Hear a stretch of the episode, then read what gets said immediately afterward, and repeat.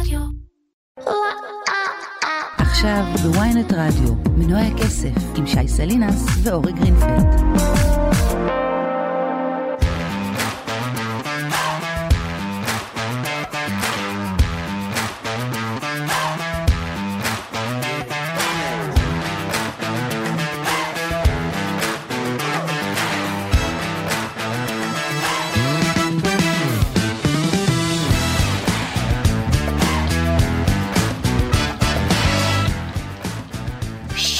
שווקים עובדים בצורה מאוד ברורה. כאשר הביקוש עולה, המחיר עולה. וכשהביקוש יורד, המחיר יורד. פשוט, נכון? לא אם מתייחסים לשוק הנדל"ן ובטח לא לזה הישראלי. כי בשוק הזה, כשהביקוש עולה, המחיר אמנם עולה, אבל כשהביקוש יורד, המחיר לפעמים גם עולה. וזה לפחות מה שקורה עכשיו מבחינת מחירי הדיור במדינת ישראל. העלאות הריבית המהירות והחדות מתחילת השנה הורידו את הביקושים לדירות ולמשכנתאות. ומה קורה למחירים? כלום. כלומר, כרגע ממשיכים לעלות, לפחות לפי הנתונים שפורסמו עד כה. אז מדוע זה קורה? האם המחירים ימשיכו לעלות או יעצרו או אולי ירדו? ומדוע קיים פער בין המספרים היבשים לבין מה שקורה בשטח? על כך נדבר היום בחלק השני של פודקאסט מנועי הכסף של כלכליסט עם הכלכלן והאסטרטג הראשי של פסגות אורי גרינפלד. שלום אורי. אהלן שי. אני שי סלינס, אבל אה, אה, לפני כן, אה, בחלק השלישי כמובן יהיו לנו את הפינות הקבועות שלנו אה, אה, הולכים לשוק והדבר המטורף, אבל אה, אורי, לפני כן, בואו נתחיל עם משהו שקרה ממש ממש עכשיו בארצות הברית, ובהחלט אה, משפיע וישפיע גם עלינו, אה, וזה, וזו האינפלציה. דוח אינפלציה, קשה להגיד על... אה, בואו נתחיל קודם מהמספרים היבשים. האינפלציה בארצות הברית עלתה ב-12 החודשים האחרונים ב-7.7 אחוזים. המון, אבל הדוח הזה מעודד.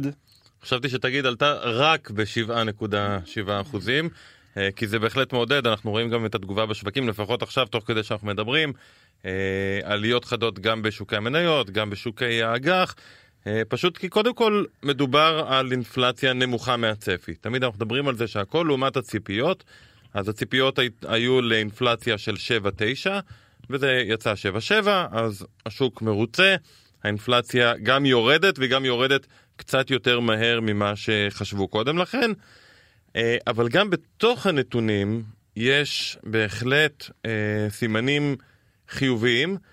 כשאנחנו מסתכלים על מה יורד, אז יש את הדברים שהם ברורים אגב, שדיברנו עליהם גם פה בתוכנית כמה וכמה פעמים, שזה יגיע למשל מחירי הרכבים. אז מחירי הרכבים החדשים ירדו, אה, ב... עלו, סליחה, עלו בשנה האחרונה ב-8.4 אחוזים. שזה נמוך יותר מהעלייה החודש שעבר שהייתה של 9.4 אחוזים. אז קודם כל רואים שהאינפלציה שמגיעה מהמוצרים ובעיקר רכבים יורדת. המחירים של המכוניות המשומשות, אנחנו כבר באינפלציה של רק 2 אחוזים.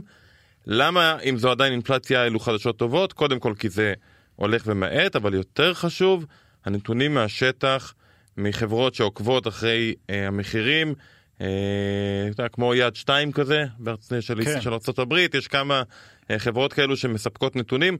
אה, החברות האלו מראות שכבר בפועל הירידה היא, אה, גם בשנתי אנחנו רואים ירידה. אנחנו רואים שהמחירים היום בנובמבר 22 נמוכים יותר מהמחירים בנובמבר 21. זה לוקח חודש, חודשיים עד שזה מתגלגל לתוך מדד המחירים לצרכן, אבל אנחנו נראה את הנתונים האלה הופכים להיות ממש ירידה ומושכים את האינפלציה חזק כלפי מטה.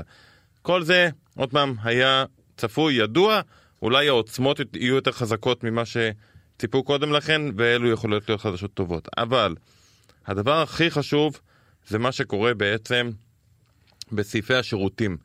כי הפחד של הפד, הסיבה שהוא מעלה ריבית כל כך מהר, היא לא כי מחירי הרכבים עלו מאוד מהר, או כל בעיות השינוע שהיו וכל סיפור האינפלציה שמגיע מצד ההיצע. הסיפור הגדול היה האינפלציה שמגיעה מצד הביקוש, משוק העבודה החם, ופה אנחנו מתחילים אולי לראות שינוי, כשהאינפלציה בעצם של השירותים, לא המוצרים, השירותים, כל הסעיפים במדד המחירים לצרכן, שהם של שירותים שונים, אם זה בריאות, אם זה חינוך, אם זה דיור, אה, שירותי תרבות, שם אנחנו רואים את האינפלציה יורדת מקצב של 7.4 לקצב של 7.2, זה עדיין מאוד גבוה, אבל זה שזה יורד זה בהחלט התקדמות. לא רק זה, אלא שגם חלק גדול מהאינפלציה הזאת מגיע משוק הדיור, שהוא עדיין הסעיף הכי אינפלציוני. הקצב של האינפלציה שלו בכלל הולך וגובר מחודש לחודש, אבל עוד פעם, הנתונים בשטח מראים לנו שמחירי השכירות בארצות הברית, שזה מה שמודדים, אה, כבר יורדים. באוקטובר ראינו פעם ראשונה ירידה במחירי השכירות הממוצעים כמובן, וזה ייקח בין חצי שנה לתשעה חודשים עד שזה יבוא לידי ביטוי במדד המחירים לצרכן, פשוט בגלל המתודולוגיה של המדידה, ככה זה עובד, אותו דבר בכל העולם, אבל הפחד הזה מסעיף השירותים שרק הולך ומתגבר, אפשר לאט לאט להתחיל לשחרר אותו, אה, וזה אומר שאנחנו נראה את האינפלציה יורדת, ובתחילת שנה כנראה נראה אותה יורדת מהר. התקווה של הפד היא שנראה את האינפלציה אה, מגיעה לאזורים של ארבעה וחצי, חמישה אחוזים, פחות או יותר. בתוך? כלומר, יש... בחצי שנה הקרובה, אני חושב. אה, והסיבה שהוא רוצה כל כך לראות את זה, זה כי בסוף הפד מכוון לראות את ה... אה, הפד מכוון את הריבית הריאלית שלו, ריבית ריאלית זאת אומרת הריבית פחות האינפלציה, להיות קצת מעל האפס, באזור החצי אחוז. אוקיי. אם אנחנו נרד לאינפלציה של חמישה אחוזים, והוא באמת ימשיך לעלות את הריבית, והריבית תגיע לאזור של חמש, חמש ורבע, אז הוא עשה את העבודה שלו. כן. יש לי, אה, אה, אוקיי, אז מה זה אומר? כל, ה, כל הנתונים שאמרת. אה, אתה יודע מה? שתי שאלות. דבר ראשון, האם זה אומר שהגענו, ל...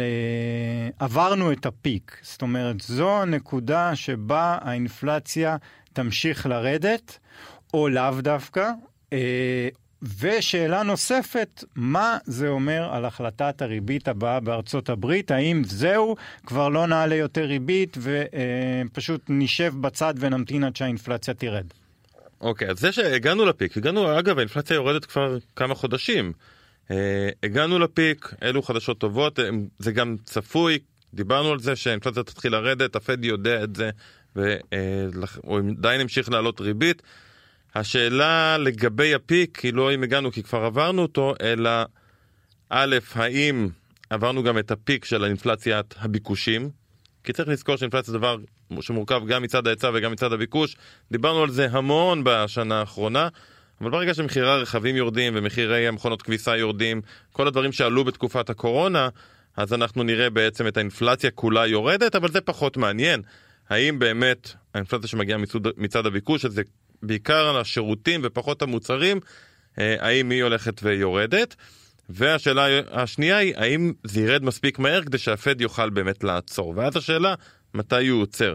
הפגישה הקרובה הוא עדיין יעלה ריבית. השאלה כרגע אם הוא יעלה את הריבית בשלושת רבעי כמו שהוא תכנן לעשות, או שאולי הנתון הזה קצת ירכך אותו והוא יעלה את הריבית רק בחצי אחוז.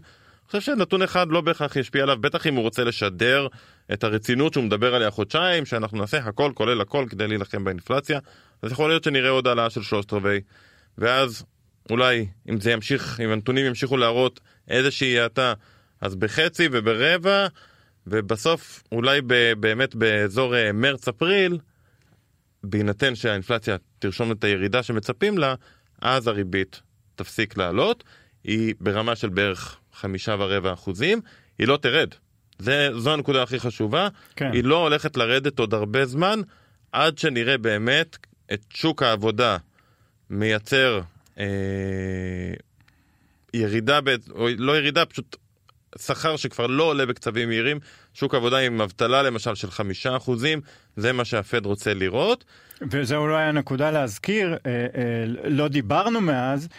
כשביום שישי האחרון יצאו נתוני תעסוקה מעולים. כן, נתוני התעסוקה עוד פעם היו טובים בכמה משרות נוספו למשק. כן. זה, זה מה שהמעסיקים מדווחים, אבל שיעור האבטלה דווקא עלה מ-3.5% ל-3.7%, אז זה נתונים קצת מעורבים. השכר לא עלה בקצב שציפו, דווקא פחות, אז גם זה היה נתון חיובי דווקא. מתחילים לראות שהנתונים הם לא כל הזמן באותו כיוון, שזה אלה, זה טוב. זה מראה לנו שיש כנראה איזשהו שינוי. אה, זה ו- עדיין מצחיק שאתה אומר אה, אה, אה, כיוון טוב ואנחנו מדברים על עלייה באבטלה. נכון, אני, אה, אתה יודע, זה, צריך, זה לא אה, נעים, היו לי זה המון לא- שיחות כן. ב- בשבועיים האחרונים אה, והרבה הרצאות, אה, אז צריך להגיד זה כל פעם, כשאנחנו אומרים כיוון טוב, הכוונה היא, אנחנו לא שמחים לראות מיתון, גם הפד לא שמח לראות מיתון, אבל זה, זה הרע במיעוטו, כי הפד מבין שתהליך שבו לא מצליח להכניס את המשק למיתון, לא מצליח לייצר עלייה באבטלה, זה גם תהליך שהאינפלציה רק הולכת ומתגלגלת, והקושי באינפלציה כל כך גבוהה לצרכן, לנו, יהיה הרבה יותר אה, חמור מעלייה באבטלה למשל לחמישה אחוזים, אה, ולכן הם עושים את זה. הם מבינים שזה לא נעים, אבל זה עדיף מהתרחיש השני, אה, ולכן הם ימשיכו בחודשים הקרובים, יעלו את הריבית. אם הכל יסתדר, אז באמת לקראת אמצע השנה יעצרו את העלאות הריבית, ואז היא תישאר ברמה הגבוהה שלה כנראה לפחות עד סוף שנה. עוד פעם, כל זה בהינתן שאנחנו יודעים את מה שאנחנו יודעים היום. אגב, מה שמאוד יכול לשנות את זה, והיו לי הרבה שיחות על זה באמת בשבועיים האחרונים, זה פשוט לחצים. אנחנו שומעים את, את פאוול, את הפד, את בנק ישראל, כולם מדברים היום מאוד ניצי, אנחנו נילחם ונעשה. אה, זה קל להגיד דברים כאלה כשהאבטלה עדיין שלוש וחצי או שלוש כן. שבע. כשהאבטלה מתחילה לעלות והצד הפוליטי מתחיל לייצר עליך לחצים, כן. איך אתה ממשיך להעלות ריבית, או למ, איך אתה מתעקש לא להוריד אותה כשאתה רואה שהאבטלה גדלה, שאנשים מאבדים את מקום העבודה שלהם. זה, זו העבודה הקשה של בנקאי מרכזי, אה, ונראה איך הם יעמדו בפרץ כשזה יגיע. עוד לפני שנעבור לחלק השני, אה, דבר ראשון, יש שאלה טכנית שאני חושב ששוב כדאי שנעמוד עליה.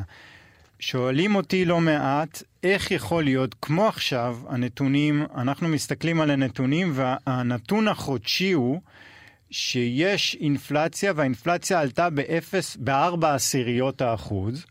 ולעומת זאת אנחנו מסתכלים על הנתון השנתי ואנחנו עכשיו מדברים שיש ירידה באינפלציה.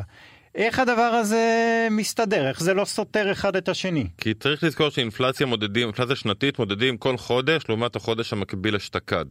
אם החודש המחירים עלו ב-0.4, אבל באוקטובר 2021 המחירים עלו בנגיד 0.6, אז בעצם השינוי השנתי הלך וקטן. בואו ניקח את זה לדוגמה אחרת.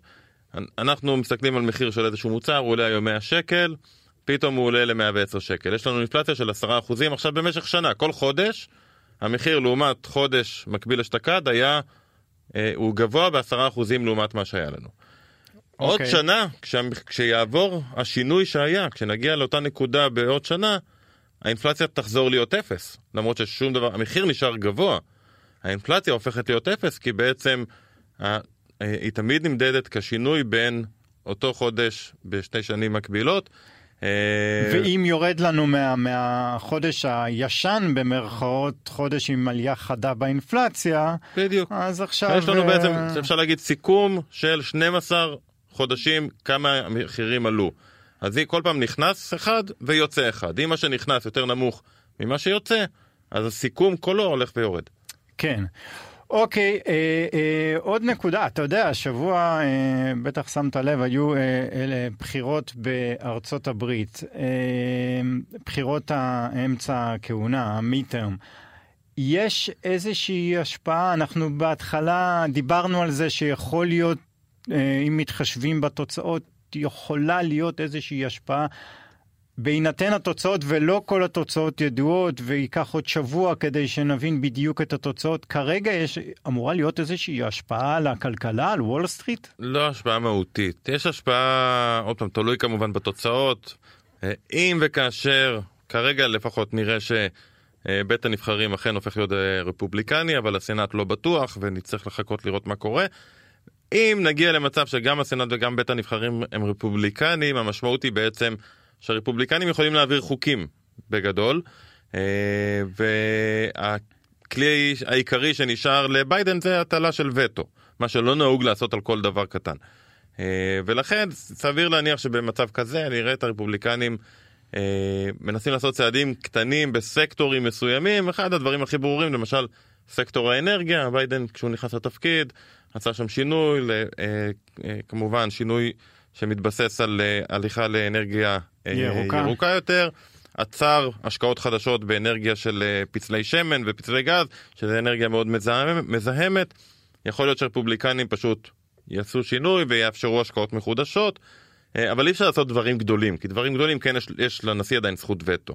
גם הצד השני, אה, ביידן יש לו יכולת להת... אה, להוציא צו נשיאותי, הוא יכול לעשות דברים בצו נשיאותי, טראמפ השתמש בזה המון, בטח בתקופת הקורונה, אבל לא רק, כל, כל הסיפור עם סין היה בצווים נשיאותיים, הוא לא חוקק את זה. אז אתה יכול לעשות דברים, אבל עוד פעם, לא דברים מאוד גדולים, כי א', זה לא נהוג, וב', הקונגרס והסנאט של המפלגה השנייה, אה, בגלל זה זה נקרא lame duck president. יכול, לא כן. יכול לעשות שום דבר. יכול להיות שהדבר הכי גדול שיצא מהבחירות האלה אה, זה שההחלטה של טראמפ אם אה, להתמודד, אה, אולי הוא מפקפק בה? כן, כן. הוא חושב פעמיים. אה, אני אגיד שלפני אה, שלושה ימים, אה, אני הייתי בטוח ש... הרפובליקנים לוקחים את זה בקלות, ושטראמפ צובר המון כוח, ושאנחנו, ומיד הוא מכריז גם על אה, בחירות כן. של 24. אה, כנראה שלא רק אני חשבתי שזה המצב, כי אה, אני רואה את ההפתעה היום בערוצי החדשות, ויכול להיות שאם הם לא יזכו בסנאט, מה שמראה בעצם שגם חלק גדול מהרפובליקנים לא מתים על זה שטראמפ הלך וכבש את המפלגה. כן. יכול להיות שזה ישנה את הכיוון גם אצל הרפובליקנים, צריך עוד לראות גם כמובן אה, מי הדמוקרטים שמים מועמד ל-2024, זה לא פחות מעניין. נכון. אה, אוקיי, אה, אנחנו נצא להפסקה לשיר ומיד נשוב.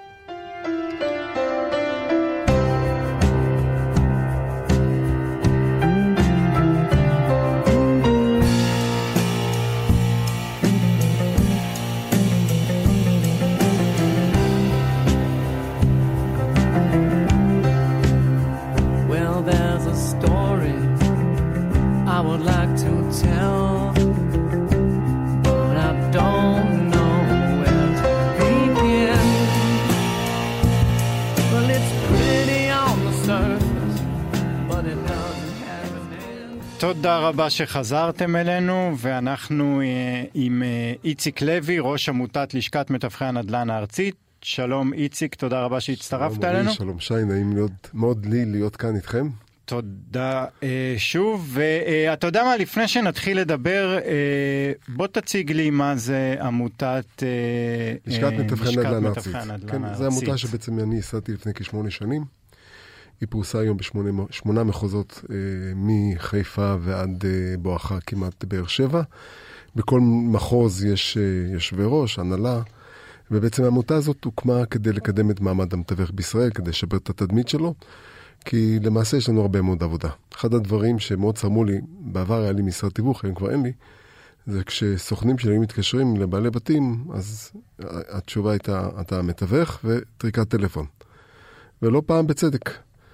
ולצערי גם הממשלה, או המדינה, יותר נכון, היא כשחוקקה את חוק המתווכים, ובעצם ב-1997 יצרה את חוק המתווכים ואת הצורך לקבל רישיון כדי לעסוק בתיווך, עשתה את, זה, עשתה את זה בעצם בצורה שהיא לא מספיק טובה. ואנחנו בעצם להקשות, אנחנו בעצם להביא ולייצר רגולציה נוספת על התחום התיווך, מה שישפר את האימון ואת הביטחון של הלקוחות ביכולת שלהם אה, להשתמש בשירותי מתווך. אנחנו כולנו מבינים שלקנות דירה זה הדבר הכי יקר שבן אדם עושה בחייו, ומאוד מצער אותי שהרבה פעמים אנשים עושים עסקאות מתוך מחשבה שהם חוסכים 2%, אבל מפסידים הרבה יותר כסף מחוסר ההתמצאות שלהם. בעצם איך בעצם צריך לשווק נכון, אה, נכון דירה ואיך למצוא את הקונה בצורה כן, נכונה. לפני כן, אבל אתה, אתה יכול להבין את הטענות אה, כלפי המתווכים, נכון? שחלק מ... אני מדבר על מצב ששוק עולה, חלק מהעליות במחירים, האשמה היא... אה, במרכאות על המתווכים. אה, לא בדיוק, אני לא חושב שמתווכים הם אלו שקובעים את מחיר הדירה. בסופו של דבר מי שמחליט אה, בכמה למכור ובכמה לקנות זה הלקוח. אנחנו בעצם מגשרים בין קונה לבין מוכר, שרוצים לקנות ולמכור מרצון. אה, אה, כן, העמלה שלנו היא, עמלה שתמיד שואלים אותי, איך יכול להיות שעורך דין מקבל חצי אחוז ומתווך שלא למד אה, ארבע שנים ולא עשה סטאז' גובה שני אחוז דמי תיווך? אז התשובה היא שכשמגיע לעורך דין עסקה בדרך כלל זה כשקונה כבר יודע שהוא רוצה לקנות את הנכס הספציפי, ומוכר יודע שהוא רוצה למכור את הנכס הזה, וכל מה שנשאר לנו לעשות, זה בעצם להרכיב הסכם, אני לא, לא מזלזל בזה, אבל להרכיב הסכם ובעצם להביא אותו לסיום. אה, מתווכים למעשה עובדים על סיכון מאוד מאוד גבוה. אתה יכול למצוא את עצמך עובד לפעמים שישה, שבעה, שמונה חודשים על נכס, בסופו של דבר בעל הנכס אומר לך, אתה יודע מה? התחרטתי, לא רוצה למכור. אז מול סיכון יש סיכוי, זה כן. כוחות השוק. זה, זה כן, בעולם כן. רגיל, כמובן שניקח את השנים האחרונות של כל מי שרוצה למכור דירה ולקח מתווך, המתווך רק היה צריך אה, להיות זה שכמו רמזור, להכניס את האנשים לאט לאט, לראות את הבית. אה, אבל בסדר, נכון, בסוף אבל... אני מסכים איתך, מי שקובע את המחיר זה השוק, יש קונה ומוכר, אם הקונה לא היה רוצה לקנות במחיר, לא משנה כמה מתווך היה אומר אני לא יורד מהמחיר הזה, אז הדירה לא הייתה נמכרת. נכון. אה, אבל מוזר שאתה אומר שאתה רוצה אובר רגולציה. נכון, כי אה, אנחנו מבינים היום שנתח השוק של מתווכים בסך הכל העסקאות שנעשות בישראל זה כ-30 אחוז, זה נתון מאוד מאוד נמוך. כלומר 70 אחוז מהעסקאות מתבצעות עדיין על ידי... עסקאות הקנייה ומכירה, נכון? לא שכירות. ביד שנייה, כן. בשכירות זה אפילו יותר. אז אתה בונה על אה, גידול בווליום אני, של התיווך בעצם? אני מאמין שאם התדמית ירידה... של המתווכים תשתפר, אם בעצם יהיה בסופו של דבר מצב שלקוחות ירגישו יותר בטוחים לקבל שירות ממתווכים, כי המתווכים יודעים להביא ערך. יודעים להביא ערך אמיתי, שכשאני רוצה למכור או, או לקנות דירה, אז אני יודע שאני יכול לפנות למתווך, והוא יחסוך לי את הזמן. אני תמיד אומר שהתפקיד של מתווך זה לא להראות דירה, התפקיד של מתווך זה לסגור עסקה. וכאן בעצם יש מרקם, מכלול שלם מאוד של דברים שמתווך צריך לעשות לפני שבכלל הלקוח מגיע, ובמהלך כל העבודה, עד שהלקוח קונה את הדירה או מוכר את הדירה. וזה בעצם קודם כל לבדוק שבאמת הנכס הזה הוא נכס מכיר. אנחנו הרבה פעמים נתקלים בזה שקונה חושב שהוא מצא את הנכס המתאים לו ביותר, וכשהוא בא לחתום על ההסכם, מסתבר שהנכס הזה מעוקל לא עלינו, או שבעצם המחסן שהוא הצהיר שהוא המחסן שלו, הוא לא המחסן שלו וזה לא החנייה שלו. בעצם התפקיד של מתווך זה קודם כל להכין את השטח, להכין תיק נכס, זה מה שאנחנו בעצם ממליצים למתווכים של חברי הלשכה, להכין תיק נכס לפני שבכלל מתחילים לעבוד על הנכס, לבדוק באמת שהנכס הזה הוא נכס ראוי, אפילו להשתמש ביועצים, כלומר יועץ כמו אה, שמאי, כן, כמו אה, אה, עורך דין, כן, אני, אני, אנחנו, בהסתכלות שלנו רואים היום את המתווך העתידי לא כמתווך אלא כמנהל עסקה. כמו שחקן כדורסל, שמרכז כן, כדורסל כן, שמוסר כן. כדורים, אז גם כאן, פעם לעורך דין, פעם לשמאי, פעם ליועץ משכנתאות, להביא את השיפוצניק, להביא את האדריכל, להביא את המצבת. פנים, לרכז את כל העבודה, וזה מה שייצור את הערך. נדבר קצת על ה... כן, אפשר לדבר על זה הרבה, האמת שזה כן. נושא מאוד מעניין בפני עצמו. רק שאלה אחת קטנה לפני שנעבור לסיבה שלשמה התכנסנו, וזה מה קורה בשוק. אה, איך קרה, ואולי מבורות אני שואל את השאלה, שיש כן תחרות מאוד עזה בשוק המתווכים היום, כי כמו שאתה אומר, אה, יחסית קל לקבל רישיון מתווך. נכון. והשוק של השנים האחרונות יצר, אני מניח, אה, גרם ללא מעט אנשים להגיד, אוקיי, אני הולך להיות מתווך נכון. בשוק הנדל"ן. אם יש כל כך הרבה היצע שמתווכים, איך זה שהמחירים לא השתנו? איך לא בא אף אחד ואמר, אני לוקח רק אחוז אז קודם כל יש בהחלט, קודם כל צריך בוא נדבר על נתונים, יש מעל 22 אלף בעלי רישיונות בישראל. וזה נתון מאוד מאוד גבוה, וכל שלושה חודשים יש מבחן מתווכים וניגשים אליו סדר גודל של 2,500 איש. כמו שאמרת, המבחן הוא לא בגליק, כלומר, אם אתה בהבנת הנקרא יכול לעבור אותו. הבעיה היא שמתוך עשרה מתווכים שמתחילים לעבוד בתיווך, לא כולם מתחילים לעבוד, יש הרבה מאוד שמאים, עורכי דין, שלוקחים את הרישיון הזה ככה על הדרך, על הצד, כן? אה, שניים שורדים את השנה הראשונה.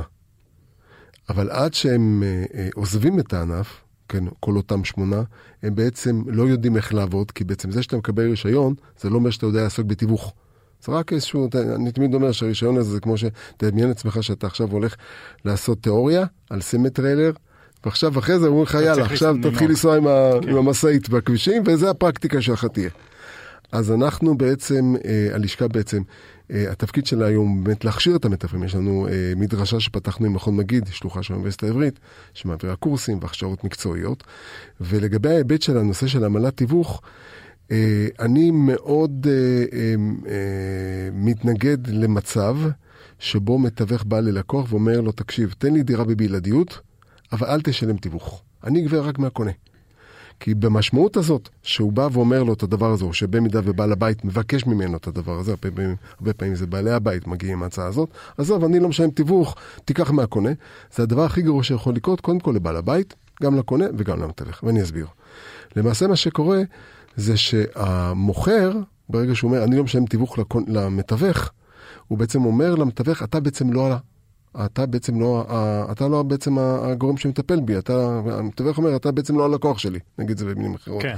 פעם אחת. ופעם שנייה, מקצוע התיווך הוא מקצוע מאוד פרסונלי, כל אחד יש את המתווך שאיתו הוא עובד. וברגע שאתה בא ומבסס את העבודה שלך על סמך מתווך אחד ספציפי, המצב הוא שרק הוא יכול להביא את הלקוחות כי הוא לא ישתף פעולה עם מתווכים אחרים, ולכן האפשרות של אותו בעל דירה לקבל הצעות שהן הצעות מיטביות בחשיפה מרבית היא מאוד מאוד קטנה, והסיכוי שימכור את הנכס במחיר שהוא שווה באמת לערך של הדירה הזאת הוא נמוך יותר. אוקיי, okay. okay, יאללה, בוא יאללה. נדבר על ה... בשוק? כן, רגע, התחלתי, התחלתי אה, אה, אה, לפני שהצטרפת אלינו להגיד שבאמת אנחנו רואים נתונים, פחות לוקחים משכנתאות, פחות רכישות של דירות חדשות ודירות יד שנייה. אני אגדיר את זה. מה קורה בשטח? מה שקורה, קודם כל אנחנו נמצאים בשיר רכבת הרים. בשלוש שנים האחרונות רכבת הרים מטורפת. זה פשוט, באמת, אני 34 שנים בענף, השלוש שנים הכי מאתגרות שהיו לנו. אה, אני זוכר שפרצה הקורונה, אה, אני ניגשתי ופניתי לשרים בממשלה ואמרתי, רבותיי, השוק קפוא. אנשים פוחדים לצאת לראות דירות, אנשים פוחדים לפתוח את הדלת של הבית. חייבים לעשות משהו, חייבים להתחיל ולתמרץ אנשים לקנות ולמכור דירות. בואו נבטל את מס הרכישה. יש לי מסמך שהגשתי למשרד האוצר ולמשרד המשפטים והשיכון, שאנחנו מבקשים לבוא לקראת השוק הזה, כי השוק תקוע ואין עסקאות. ולאחר מכן, אנחנו כולנו יודעים שברגע שהקורונה כבר התחילה לעזוב אותנו, אז פתאום, כמו צוואר בקבוק, פתאום כולם רצו וקנו וכולם רצו והשתוללו, ובאמת, אנחנו חווינו שיאים בלתי רגילים של ביקושים, שגרמו בעצם בסופו של דבר לעליות המחירים המטורפות שראינו, עלייה של 20% בתוך שנה. כן. זה דבר שאני לא זוכר כדוגמתו. ועכשיו רואים את תמונת המראה, זאת אומרת, אתה אומר את הירידה, זה לא סתם ירידה. מספר הדירות שנמכרו באוגוסט, לעומת אוגוסט 21, היה נמוך ב-49 אחוזים. כן. אז בואו נבחן למה זה קורה. קודם כל זה קורה מכיוון שבאמת החלו להצר את צעדיהם של המשקיעים בזה שהעלו את מס הרכישה ל-8%, וזה לגמרי כמעט הוציא אותם, את אותם משקיעים, אה, וגרם להם אגב היום לברוח לחו"ל. אנחנו פוגש המון המון המון ישראלים שקונים היום דירות בבקו ובאתונה וביוון ובקפריסין, מלא מלא כסף בורח מהארץ. אה, אם זה מעניין מישהו, לא יודע, לא בטוח, אבל המון כסף בורח. ולצערי אה, זה משפיע קודם כל על שוק של אה, אותם משקיעים שלא קונים, על שוק השכירויות. כי אותם אה, שוכרי דירות, אותם דירות שבעצם אותם משקיעים קנו, העמידו אותם להשכרה. ואותו מלאי של דירות שאותם משקיעים שקנו להשכרה כרגע הולך ומצטמצם כי הם לא קונים דירות, וזו הסיבה גם שמחירי השכירויות עולים רגע, אז בוא, בוא שנייה, לפני שאנחנו מגיעים לשכירות, את הירידה הזאת במכירה של דירות, שאתה מדבר על מס רכישה, בוא נדבר על זה שעלות המשכנתה קפצה בגלל העלאות הריבית. לגמרי. אה, את הירידה הזו בעצם בביקוש מצד אחד. אה, אתה רואים כבר במחירים? לא רואים, לא רואים עדיין במחירים, אני הייתי משווה את זה לאיזשהו... מספר עסקאות ירד אבל. לגמרי, ירידה דרסטית, הייתי אומר, הייתי משווה את זה, אתם זוכרים שהיינו בתיכון, היינו הולכים למסיבות, והיה רחבת ריקודים, והבנים היו עומדים בצד אחד של הרחבה, והבנות היו עומדות בצד השני של הרחבה. כן. זה המצב כרגע. כלומר, הקונים עומדים בצד אחר של הרחבה, המוכרים עומדים בצד השני, ואף אחד, פח... מי, בוא נראה מי ימצא מעץ ראשון. כלומר, הקונים אומרים, כן, הרי הם אומרים שהמחירים אה, הגיעו... מה ל... הפער בין הביקוש להיצע היום, היית אומר? זאת אומרת, אם אני ש... רציתי למכור ב-X דירה... אני בא היום, אני מבקש את ה-X, אומרים אין סיכוי שתקבל אותו, כמה כן מציעים מהפער הזה? לא, אין עדיין, אין עדיין ירידת מחירים. כלומר, יש לנו מצב של סטטוס קוו, יש מצב של חוסר ודאות, ובעצם אין עסקאות. כלומר, מי שלא חייב לקנות, לא קונה, ומי שלא חייב למכור, לא מוכר. אבל זה קשור באורך רוח שיש למוכר. לגמרי, ומי שלכן אני אומר, אם אנחנו לוקחים, בואו ניקח שני סקטורים. אם שני סקטור של קבלנים, הסקטורים עשו הרבה מאוד כסף, המון עסקאות בשנים האחרונות, ומכרו יותר ממה שאפילו תכננו למכור. אה, אנחנו כן צריכים לקחת בחשבון שאותם קבלנים שקנו קרקעות בשנה האחרונה במחירים מטורפים, יכולים למצוא את עצמם בבעיה לא, לא קלה. אתה כבר רואה, אתה רואה את הפרסומות של, אה, לא זוכר מי זה היה ולא חשוב השם, שנותן בעצם, אם אני לא טועה, כיסוי למשכנתה לשנתיים כדי להיפטר מדירות. אצל הקבלנים אתה רואה את זה בבירור, אני חושב שדווקא, מה שמעניין דווקא לא אצל הקבלנים. עכשיו, אתה אומר שאין עסקאות... הקבלנים עדיין לא רואים את זה, כלומר, מה שקרה זה שהקבלנים כרגע באמת נמצאים עודפים של כספים, אני משווק פרויקטים וזה התחום שאני מתמחה בו, אז עדיין אין ירידת מחירים, אבל יש איזושהי תחילה של הבנה שמה שהיה לא הולך להיות, ואם אפשר למכור במחירים האלה היום, אז בואו נמכור אותם היום ולא נעלה את המחירים. כי אני חייב להגיד לך, מה שקרה בשנים, okay. בחודשים האחרונים, זה שכל חודש אני קיבלתי הנחיה מפרויקטים שאני משווק, להעלות את המחירים. המחירים עלו בקצב מטורף. אם הקבלן נותן הטבה של כיסוי המשכנתה לשנתיים, זה כמו הנחה של 200 אלף שקל. זה דוגמה מקומית. אני חייב להגיד, להגיד שצריך ממש ממש להיזהר בדברים האלה, כי הרבה פעמים קבלנים מגלמים את אותן הטבות ואת אותן הנחות במחיר הדירה, כך שזה לא, לא, לא אוקיי, תמיד... אז ה... בוא נעבור רגע לצד לא של הקבלנים. אתה אומר אין עסקאות, זה ברור שאין עסקאות, כי כולם מחכים. כולם מחכים. אבל מה, מה הפער? זאת אומרת, בסוף אותו אחד שרוצה למכור, אם אני אסכים לשלם את המחיר שהוא רוצה, הרי הוא ימכור. בוא נאמר כזה דבר. אה, מי שרוצה לקנות וחייב לקנות, אז כשהוא מגיע לבעל דירה, אז בעל הדירה עדיין עומד במחיר שהוא חושב שראוי ונכון, שזה המחיר שהיה גם לפני חודש וגם חודשיים. אני, אנחנו עדיין לא מזהים ירידת מחירים. אה, אה, מתוך מחשבה שכן, הגל תכף יעבור, תכף הריביות יתחילו לעלות, תכף הכל ישתחרר, למה לי להילחץ כרגע? ואם הוא לא באמת חייב למכור, אז יש אנשים אפילו שמחכים לתחילת שנה הבאה, לשליש הראשון של שנת 2023, כדי להוציא את הדירות שלהם למכירה. ויתרה מכך, יש מצב היום במשרדי המכירות, אני חוזר עוד פעם לדירות, יד, לדירות חדשות, שגם משליך על הדירות יד שנייה.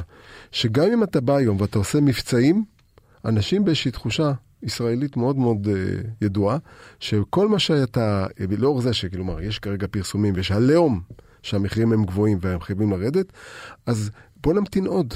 בוודאי, אתה לא תקנה היום דירה אם אתה חושב שהמחיר ירד. לגמרי, אז למה לי לחכות ולקנות? כלומר, אם את ה-200 אלף שאתה אומר שאותו קבלן מוכן להציע במשכנתאות, אולי שווה לחכות עוד חודש ועוד חודשיים, וזה לא יהיה 200, זה יהיה גם 300 אלף. ולכן השוק כרגע ממש במצב של freeze, ממש במצב של קיפאון מוחלט. ואני מניח שאנחנו אה, נעמוד במצב הזה לפחות עוד אה, ארבעה-חמישה חודשים עד שהמצב יתברר, ועד שבאמת נראה שהיא מגמה של הורדת הריבית. אם תתחיל הורדה כזאת, או לפחות עצירה שלה, אז השוק יתחיל לאט לאט להתאושש. אה, מי שלא חייב לקחת משכנתה היום, פשוט הוא לוקח משכנתה. למחזר משכנתה כרגע, אנשים בטח שלא ממחזרים משכנתאות, והשוק כרגע נמצא בדיסטינקטציה. אז אתה מאמין שיעבור תקופה מסוימת, ואז השוק יחזור לשלו ונחזור אני, לקצב עליות? אני מאמין שהמחירים בסופו של דבר יעלו. כי יש לנו נתון אחד מאוד בסיסי. 10% בשנה, כמו שהתרגלנו? אני לא חושב, אני לא חושב. אני חושב שתהיה עלייה מתונה של 2-3% בשנה, כמו שהיה עד לפני 3-4 שנים, אה, אה, מתוך הבנה שבאמת יש פה איזשהו אה, צוואר בקבוק. אה, אני מניח שאגב, שברגע שהצוואר בבוק הזה ייפתח, ברגע שהריביות, אז כן יכולה להיות אפילו קצת עלייה יותר גדולה. אבל אה, לאורך זמן, אם אני מדבר על שנה, שנתיים, שלוש מהיום, לאורך זה שאנחנו מבינים שיש מחסור גדול מאוד בדירות, אנחנו מדברים על זה שהשנה, באמת, ממשלת השינוי עשתה שינוי אחד, לפחות בתחום הנדל"ן, זה שהיא הצליחה להביא לכיף של 75, 75 אלף התחלות בנייה רק בשנה האחרונה. שזה מספר שבעצם אומר שזה הדרישה לקצב גידול האוכלוסייה? זה הדרישה. יותר. האוכלוסייה זה... גדלה בקצב של בערך 50 עד 55 אלף משקי בית חדשים מדי שנה, רק שיש בור גדול מאחורה, נכון. שממשלת הלא שינוי השאירה. אז צריך כזה קצב של אה, בנייה כל שנה, אם תעמוד ב-75 אלף, אז כן, זה אפשר איכשהו, ל... אבל יש לנו גירעון שבאמת יש גירעון גדול מאוד של דירות, ו, אה, אה, ולמ... והצפי שברגע שהשוק קצת יתחיל להשתחרר, אז לאור זה שההיצעים הם נמוכים, הביקושים יגברו ותהיה עליית מחירים, מתונה אבל. תשמע, אני במשך שנים... זה, זה לא אופטימי. זה לא אופטימי. אני במשך שנים, תראה מה זה אופטימי, תלוי אם אתה מוכר או קונה. תשמע, לא, לא, לא, זה לא אופטימי בשום מובן. זה גם למוכר וגם לקונה לא אופטימי. כי אתה יודע, הנושא הזה של תחושת העושר... 20 אחוז, עלייה של 20 אחוז, סליחה רגע, במחירים בשנה, זה לא אופטימי איך שאתה לא מסתכל על זה. לגמרי.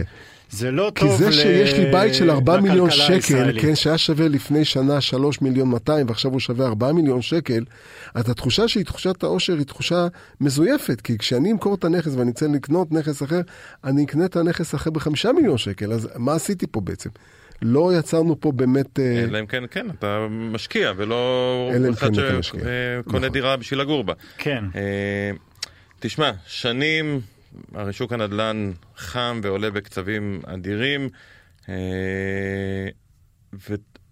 ואני תמיד, כל פעם שהגעתי או להרצאה על שוק הנדל"ן, או בשיחות על שוק הנדל"ן, או בשיחות עם קבלנים שלא מעט פעמים אה, אה, מזמינים אותי לישיבות כדי לנסות להעריך לאן ריביות הולכות וכן הלאה. תמיד הטענה שלי בסוף היא אותה טענה, וזה מה שאמרת איציק. יש בישראל עודף ביקוש לדירות. יש יותר אנשים מדירות מוצעות, וזה יוצר קצב עלייה תמידי, אה, שמאוד קשה לשנות אותו. בניגוד אגב לארצות הברית. ארצות הברית הריבית עלתה, מחירים ירדו, זה בכלל לא שאלה. אתה תראה את המחירים יורדים, כי שם יש, תוך כדי השנתיים האחרונות, גם בנו יותר מדי דירות. אה, זאת אומרת שהרכיב של אה, אה, בנייה חדשה וצורך לא קיים שם ופה הוא כן קיים? פה כן. יש לך פשוט כן פחות דירות לעומת הגידול של משקי הבית שיש לנו. אבל אני בחודש האחרון, לא יודע, אני רוצה להגיד נפלט לי, מהפה, אני אמרתי בלב שלם אה, משפט שלא אמרתי 15 שנה, וזה שמחירי הדירות בישראל הולכים לרדת, פשוט כי הנתונים הם חדים מדי. אה, כדי לראות בעצם מצב אחר. יכול להיות שזו תהיה ירידה זמנית, יכול להיות שזה יהיה לכמה חודשים אה, וזה יירגע אחרי זה, אבל המכירות של הדירות, הירידה הזאת בעשרות אחוזים במכירות דירות, ירידות בירידה של עשרות אחוזים במשכנתאות חדשות שנלקחות, אה, והזינוק שהיה כמובן לפני כן, זאת אומרת הזינוק של ה-20% במחירים, תוסיף לזה את מה שקורה בשוק הטכנולוגיה, ואנחנו יודעים שלפחות באזור המרכז, אגב, נתון שיצא היום מראה שרוב הדירות שנמכרו היו דווקא בפריפריה. לפחות באזור המרכז, אה, אנשים משוק ההייטק, אה, בעצם כשהמחיר של החברה שלהם הלך ועלה ועלה ועלה ועלה, הם ראו שהאופציות שיש להם שוות המון כסף, אמרו אוקיי, אני אתחייב לדירה בשווי של 4 מיליון שקלים, 5 מיליון שקלים, או כמה שדירה במרכז עולה, ופתאום עם הירידות שהיו בנסדק, ובעיקר בחברות קטנות, השווי של האופציות יתאפס, פשוט יתאפס, אין את הכסף הזה יותר. אה, הוא לא היה שם אף פעם, פשוט, המחשב מראה שהאופציות שוות אפס, ולכן יכול להיות שאנחנו רואים שם דווקא באזורים כאלו קצת יותר זריקה של נכסים, אה, וזה עוד לפני שהתחלנו את המיתון העולמי, שכנראה, גם אם לא נגיע למיתון בארץ, אנחנו נושפע ממה שקורה בעולם. אז שילוב של האטה שתהיה פה, עלייה באבטלה וריביות שעוד פעם, זה הכל הערכה אישית, יישארו גבוהות למשך תקופה ארוכה, שנה אה, לפחות. אה, זה שילוב שאני חושב שאנחנו נראה לראשונה מזה המון המון שנים ירידת מחירים אמיתית, אבל אני מסכים לגמרי מה שאיציק אומר, כשזה יעבור בסוף, אם לא יבנו, הכיוון כן. של מחירי הדיור בישראל הם תמיד יהיו כלפי מעלה, כל עוד בונים, לא, בונים פחות דירות מהגידול הטבעי של משקי הבית. הערכה שלי שיכולה להיות ירידה, לא גורפת, במקומות מסוימים, במקומות שנעשתה בנייה מאוד מאוד רבה, כן, בפריפריה, היו uh, פרויקטים של מחיר למשתכן, וזה גם כן סוגיה, כי בעצם אותם uh, זוכה בלוטו, אני קורא להם, שכל אחד מהם קנה, קיבל, גריל דירה במסגרת מחיר למשתכן, uh, uh, וזכה במיליון שקל בממוצע. Uh, חלק מהבנייה מתעכבת. ואין עדיין היתרים, ו... ו... כן. ופה אנחנו בעצם יכולים למצוא את עצמם, יכולים למצוא את עצמם שהם משלמים גם שכר דירה. על דירה, כן. וגם את המשכנתה שהיא עלתה כרגע, ופה עשויים באמת, אנחנו מנסים למצוא את עצמנו אה, בסיטואציה של... אגב, אני רוצה, רק לסיום, לא נשאר לנו הרבה זמן, אני רוצה כן לגעת uh, איתך ולשמוע את דעתך על שוק השכירות, שהוא הרי שוק הרבה יותר תנודתי משוק הקנייה ומכירה.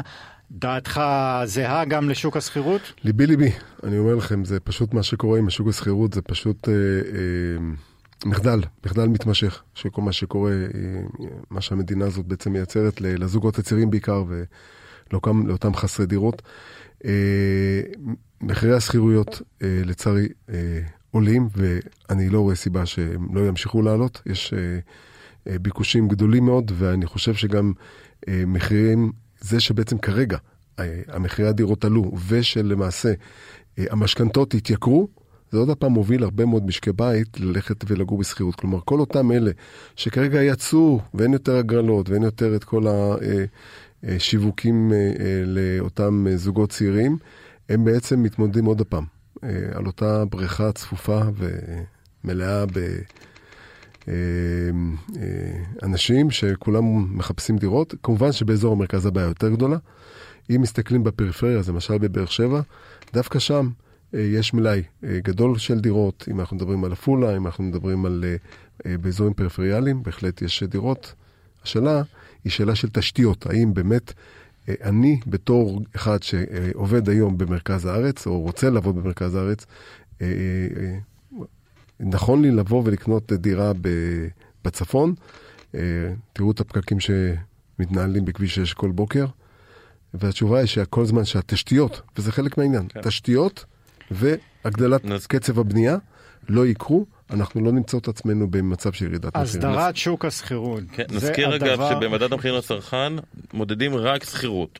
כן. לא, לא נכנסים מחירי הדירות עצמם, אלא רק מחירי השכירות, ואם ימשיכו לעלות אז זה ממשיך לייצר פה לחצים אינפלציוניים, שיגרמו לעוד העלאת ריבית, וחוזר חלילה וחוזר חלילה.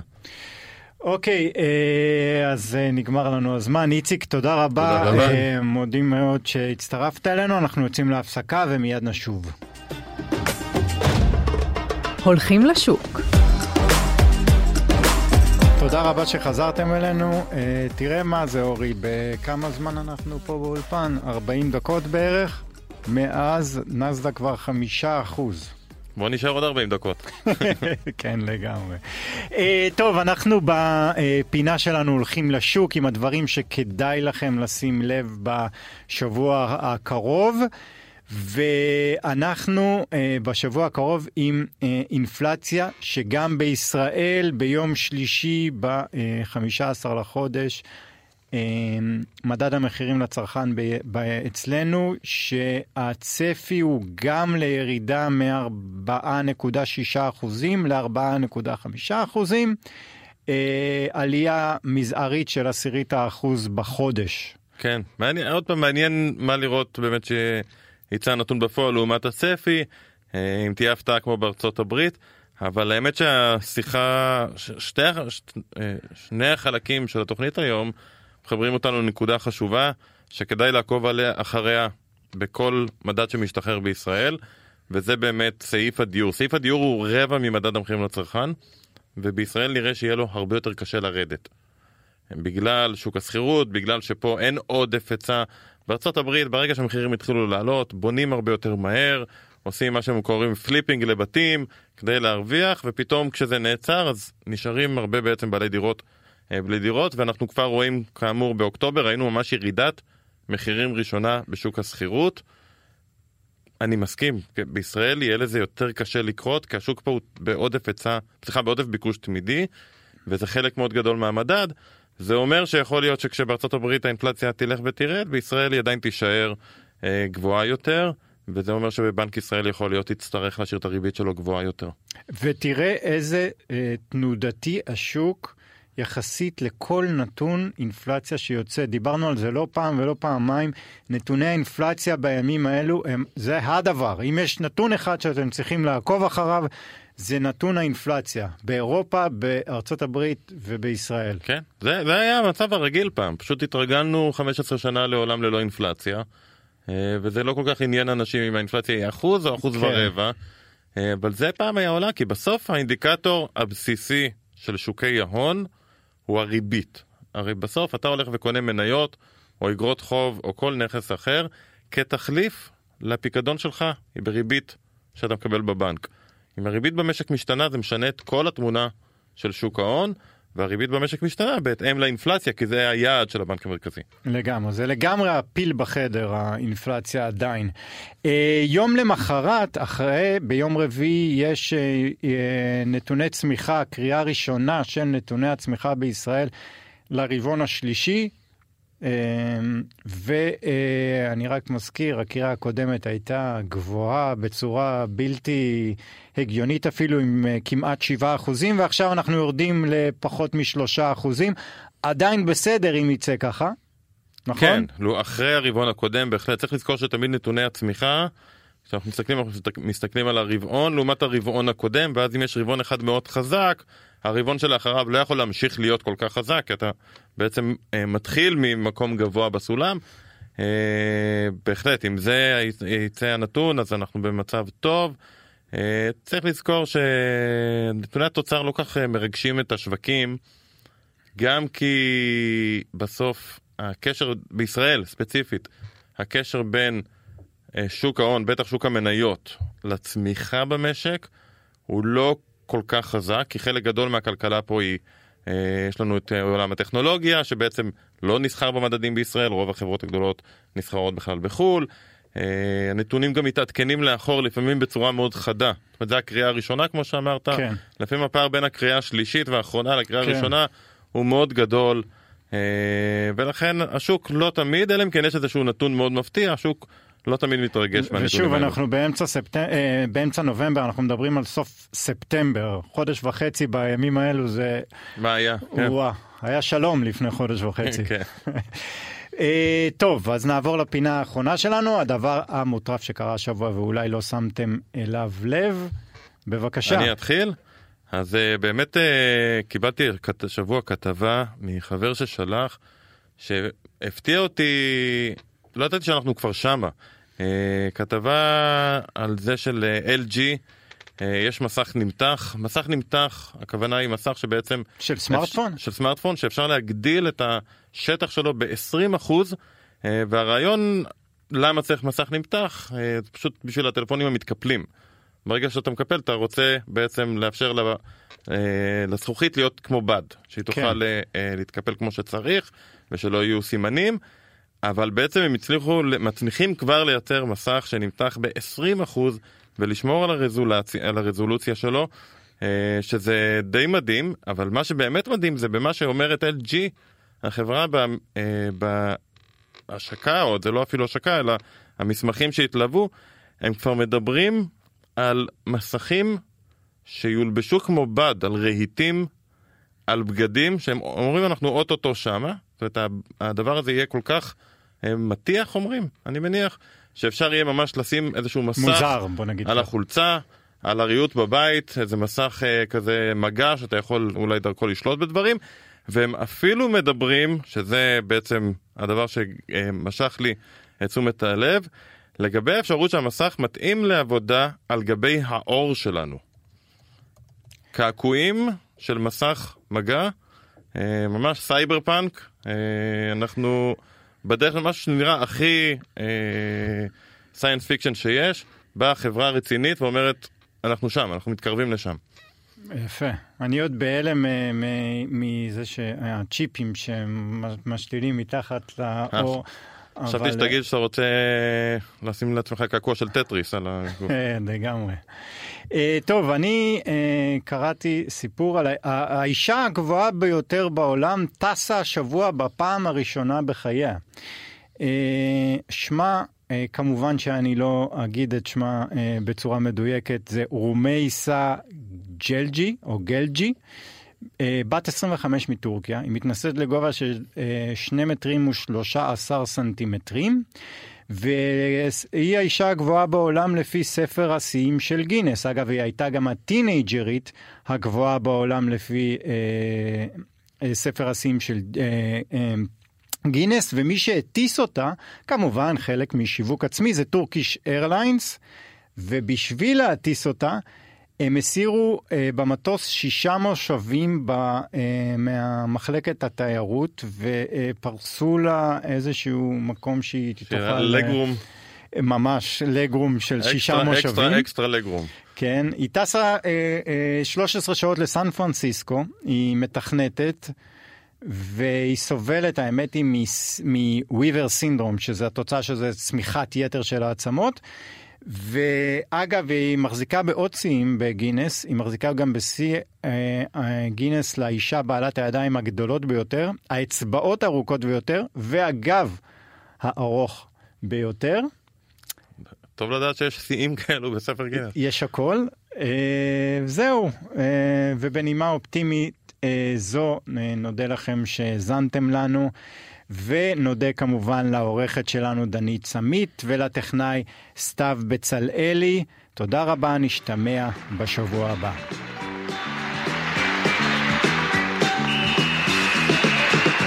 עוד שבת של כדורגל, ניצחון, הפסד ואכזבות. שבת של כדורגל,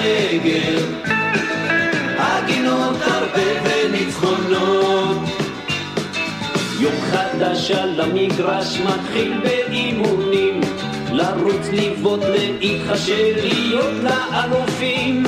רק לחכות ליום שבת, לרגע השריקה, יא כדורגל מה עשית מה?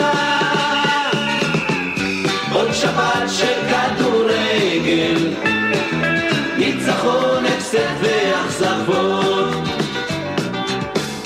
עוד שבת של כדורגל,